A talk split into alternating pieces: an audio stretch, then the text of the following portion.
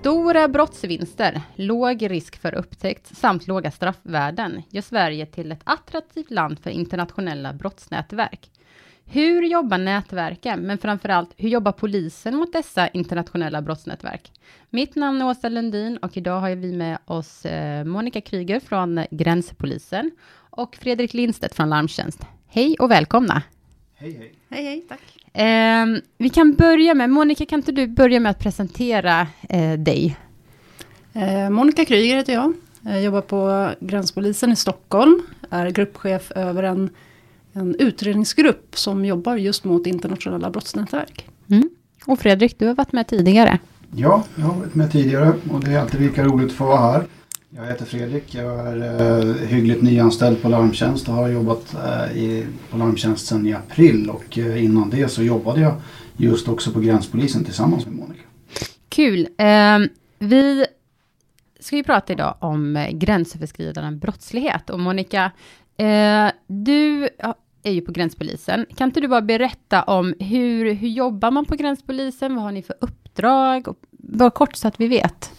Ja, gränspolisen i sig har ju ett ganska stort och brett uppdrag just med gränsfrågor. Vi ska skydda vår yttre gräns framförallt och följa de avtal i Schengen och sånt som gäller.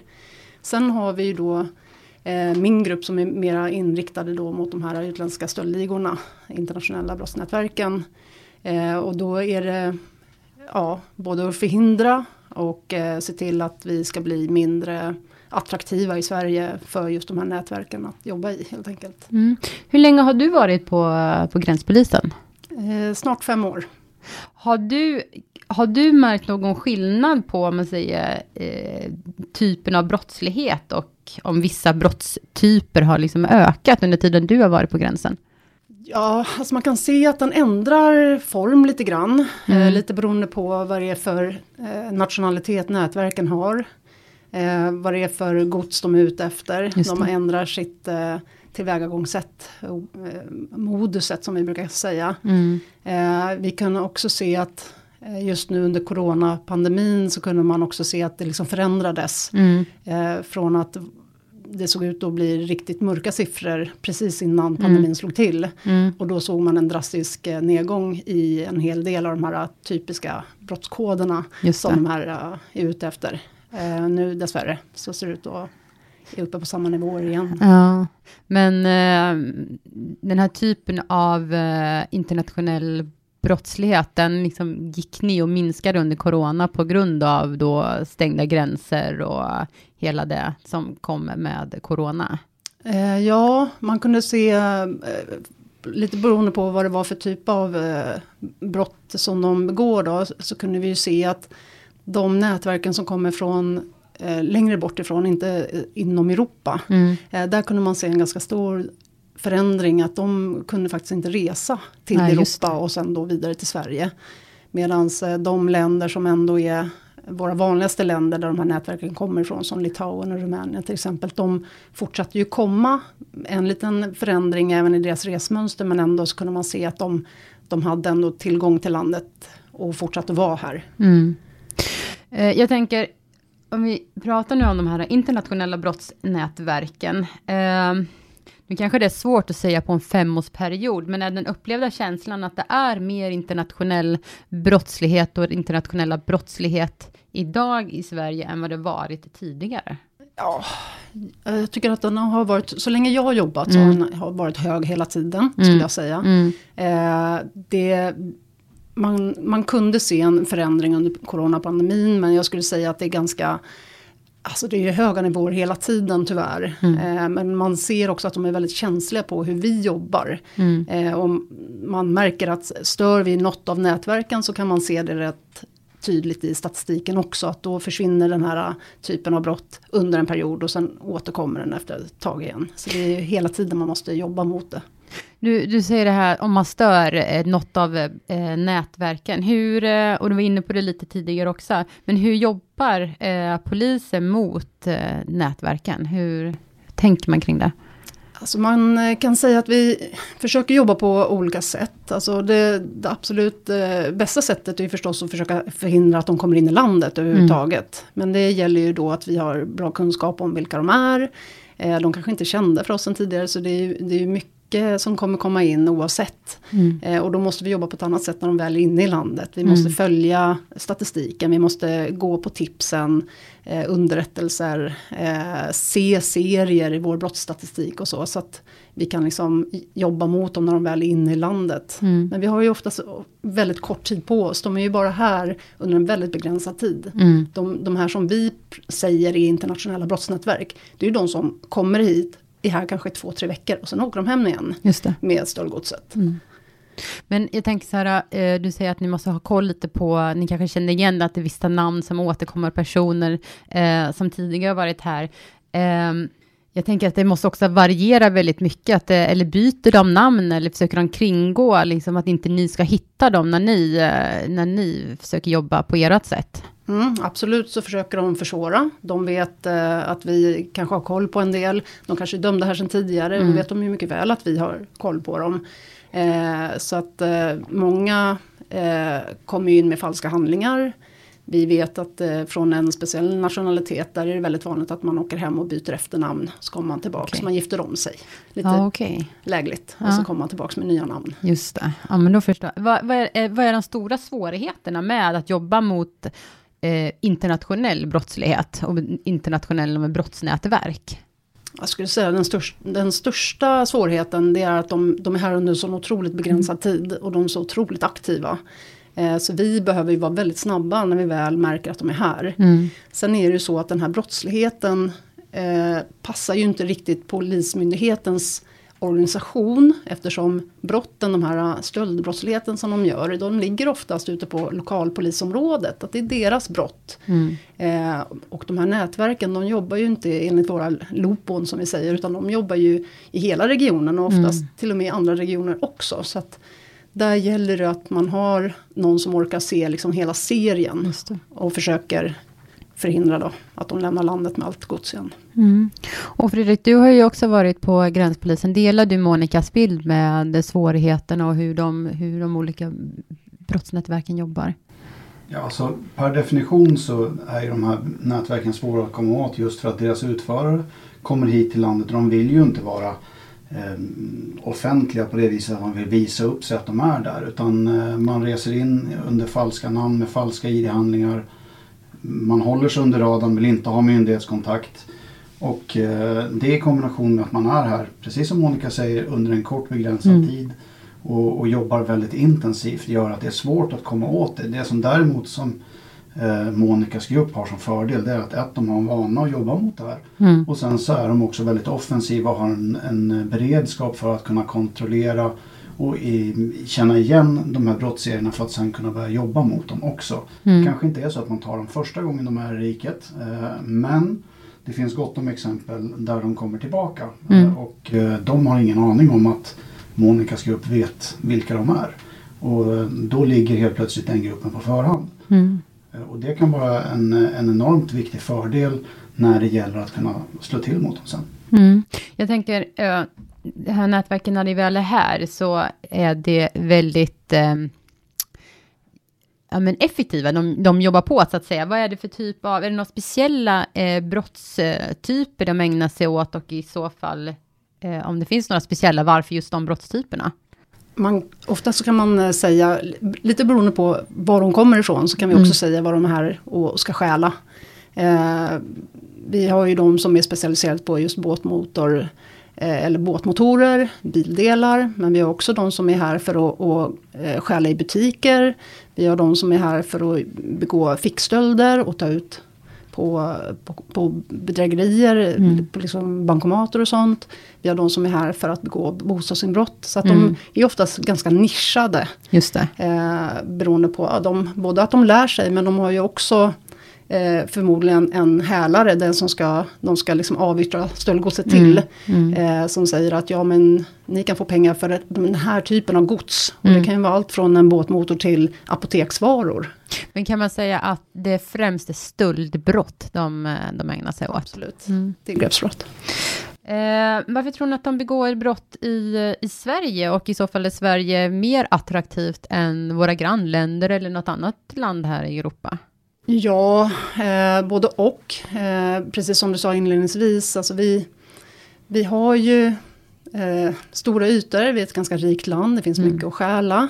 Eh, vi har en ganska låg polistäthet. Det är inte jättestor risk kanske att upptäckas. Och, och när de väl lagförs så har vi ganska mildra brott om man, Mm. eller eh, straff om man jämför med många andra länder. Mm. Så det är klart att de, de har ju med sig det här och de vet. Eh, och tycker att det kan vara kanske värt risken många gånger. Mm.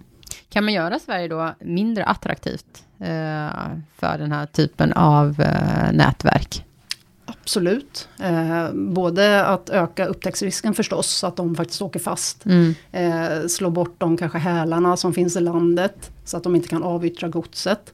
Vi kan försöka försvåra för dem att föra ut stöldgods. Vi kan eh, ja, på, på olika sätt jobba så att vi kan få utvisningsdomar så att de kanske inte ens får resa in i Schengenområdet och så. Ja, okej. Så det finns en massa saker som man kan göra det mindre attraktivt, absolut. Mm.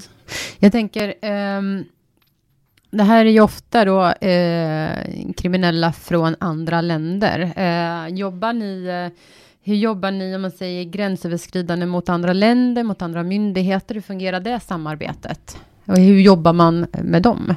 Men vi har ett jättebra samarbete med övriga Europa. Mm. Eh, vi har både sambandsmän som är utplacerade och, och hela Europol till vår hjälp egentligen. Mm. De här nätverken är ju inte bara i Sverige och jobbar. Utan de, de har ju oftast varit i andra länder både innan och kommer vara det efter också. Så att hela, vi, vi är ju många länder som har nytta av varandras Mm. eh, information. Så vi, de kanalerna fungerar jättebra. Mm. Prata om stöldbrott framför allt. Eh, om vi ska gå in på internationella stöldligor. Eh, som vi inom försäkringsbranschen pratar väldigt mycket om. För vi ser ju de här flödena av gods också som passerar ut över gränser. Och kostnaderna som går med det. Eh, jag tänkte bara höra, är det svårt att ta sig ut ur landet med eh, stöldgods? Nej, egentligen inte skulle Nej. jag säga. Eh, vi har egentligen ingen tydlig eh, uppgift att titta på gods som förs ut. Det är inte tullens uppgift Mm. och, och det är ju på ett sätt är det polisens uppgift kanske att försöka förhindra stöldgods att gå ut. Men vi, vi får inte stoppa bilar systematiskt utan Nej. vi behöver ha en misstanke för att få göra det. Så det, det är inte helt lätt. Nej. Ehm, vilken typ av gods är det som är attraktivt? Fredrik, eh, inom branschen så ser vi mycket eh, av de skador då som kommer in och vad det är för typ av gods. Kan inte du berätta lite om vad det är vi ser inom branschen, eh, saker som är attraktiva som försvinner ut över våra gränser? Ja, Alltså det som angår försäkringsbranschen, det är oftast det gods som är försäkrat som eh, till exempel eh, fordon, entreprenadmaskiner eh, och sen det som tillhör dessa eh, kategorier som till exempel bildelar, Mm. katalysatorer är, eh, ett stort eh, problem som är på uppgående just nu för försäkringsbranschen och eh, för samhället i övrigt. Eh, Vi kan även se att eh, det utöver vägfordon och entreprenadmaskiner naturligtvis förekommer en hel del båtar men också båtmotorer i väldigt stor utsträckning. Eh, Och, och man kan väl ändå säga för enkelhetens skull att om det är värt att stjäla, ja eh, då är det det som stjäls. Mm. Vi har mycket av den varan här i landet eftersom att det här är ju ett Sverige är att betrakta som ett tillgångs och transitland. Och det är eh, känt bland kriminella att här finns det eh, generellt sett bra maskiner eh, och eh, det finns bra med gods att stjäla. Mm. Du svarar nästan på min eh, följdfråga där, varför just de här sakerna är så attraktiva, men det, det handlar egentligen om att de sakerna vi har, ofta här i landet, är av också god kvalitet, kanske. Ja, alltså om, om man stjäl någonting så vill man ju oftast naturligtvis ha betalt för det. Mm. eh, När man avsätter det här på, på annan ort då eventuellt. Och eh, då är det ju just för försäkringsbranschens räkning så är det maskiner som är det som är påtagligt ofta förekommande. Mm. Men det är ju inte begränsat till att bara stjälas maskiner och så vidare utan vi kan med, med konstatera att vi ser eh, varor stjälas ifrån eh, varuhus. Vi eh, ser från bönder och jordbrukare Mm. så stjäls det växtbekämpningsmedel eller växtskyddsmedel kallas det. Och eh, allt egentligen som är värde och som kan generera eh, avsättning för en kriminell Eh, det är det som stjäls. Mm. Jag tänker till exempel, eh, vi kan ju se här under, om man säger vår, sommar, eh, början av hösten också, just det här med de här båtmotorerna och båtmotorstölderna, eh, hur den typen av stölder verkligen går upp här i landet och jag har sett några siffror innan att man räknar lite med att ungefär 70 till 90 procent försvinner utomlands. Det är ju en extremt hög, hög siffra vad som faktiskt försvinner ut ur landet. Vad är det för belopp? Finns det, har, har branschen någon eh, uppfattning om hur mycket det som försvinner utomlands? Om vi, om vi börjar prata om belopp och liknande. Alltså om man tittar på eh, äldre beräkningar som mm. man gjort från branschens sida så, så kan man konstatera att det, det som skäls är värt åtminstone miljardbelopp. Mm. Nu är det eh, inaktuella siffror som vi har tittat på egentligen så att det är lågt räknat men vi ligger någonstans på kanske en och en halv miljard. Mm. Men det är lågt räknat och det har sannolikt ökat substantiellt eh, den senaste tiden. Mm. Um, hur eh, tar man sig ut med godset ur landet? Körs det ut direkt? Är det containrar? Monica, kan inte du berätta lite om tillvägagångssätten? Utan att tipsa då folk om hur de ska göra. Eh, ja, det beror lite på vad de eh, ska föra ut förstås. Yeah. är det inbrott de har gjort och det, de har tagit kontanter och smycken, då är det klart att då behöver man inte hyra en container förstås, utan Nej. det kan skickas hem på Just annat det. sätt. Eh, men just de här lite större som båtmotorer och sånt, det är klart, då, då kör man ut det. Och mm. då är det antingen i lastbilar eller containrar som är det absolut vanligaste. och många gånger så använder de sig av transportföretag som är helt legala. Mm. Eh, och de tror att de har fått en vanlig order så att säga. Och passar på när de ska åka hem till kanske Litauen. Att eh, de får med sig ett gäng båtmotorer och de har fått kvitton och det är en order lagd och sådär. Mm. Eh, och kanske inte alls har vetskap om att det är stulet gods som faktiskt förs ut. Så föraren behöver inte veta om att det är stöldgods som finns i lasten? Nej, och det, de vet ju om också att det blir ju mycket svårare Eh, för alltså det är, ju, det är ju sällan tjuvarna själva Nej. som för ut godset. Mm. För de vill inte åka fast förstås mm. med, med stulet gods mm. i, i, sin bil. Eh, så de lägger det på någon som kanske inte alls vet eller som kanske inte bryr sig lite jättemycket om vad man för ut. Utan han får ju betalt för det förstås. Mm. Men, eh, ja. Eh, nyttjar man, om man säger bilvägen ut ur Sverige lika mycket som eh, färjetrafiken så att säga, med att man tar ut gods? Kan man, är det, det beror kanske lite på var godset är taget också. Ja, härifrån Stockholm så, så är det ju liksom våra hamnar som mm. det mesta går ut från om det är större gods. Mm. Eh, men sen är det klart att Eh, ska de ändå förbi södra Sverige eller ska ner mot Tyskland och sånt så kanske det är bron som, som är aktuell. Mm. Eh, men även färjorna där förstås är ju högaktuella. Mm. Hur, hur jobbar eh, eh, de här ligorna eh, rent konkret? Jag tänker på, ja men åker och rekar, kurirer och liknande. Vill du berätta lite om det vi, ni vet? Man kan säga att eh, en, en del nätverk är otroligt eh, organiserade. De vet redan på förhand vad de ska stjäla, var godset finns. De har kanske redan GPS-positioner inlagda i sina telefoner. Mm. Eh, så att när de väl kommer över då går det ju jättefort för mm. dem att bara plocka det man ska och sen åker man ut efter bara några dagar. Eh, sen har vi andra som kanske inte jobbar på samma sätt men som eh, då åker runt och, och rekar. Eh, man kan ha personer som kanske rekar i förväg och sen tar man in andra personer som ska utföra själva brotten sen. Man kan använda sig av folk som kanske är mera permanenta i landet, som det. kan det här, mm. som vet vilka system vi kan söka. Vi är ju väldigt offentliga i, i mm. Sverige. Det är inte jättesvårt kanske att ta reda på det man vill. Eh, och har man då en, en, person som faktiskt pratar språket och har bott här en längre tid så, så är det ett smörgåsbord för dem förstås. Och när de väl kommer, utförarna som vi säger, mm. då går det ganska fort och så har de fått ihop sitt. Och sen åker man. Um. Jag tänkte på, eh, branschen är ju väldigt engagerad i de här frågorna också, av de skäl som vi pratade om tidigare också, med det är stora kostnader och det, det är mycket gods av höga värd, värden som försvinner ut. Eh, hur jobbar eh, polis och försäkringsbranschen eh, tillsammans? Finns det något samarbete och hur ser ni i så fall på det? Men vi har ett jättebra samarbete med just er larmtjänst mm. eh, förstås. Det har vi haft i många, många år. Eh, men vi försöker ju också vara delaktiga i, i om det är bilbranschen som är drabbad så försöker vi ju liksom jobba tätt tillsammans med dem också mm. för att komma på hur kan vi försvåra.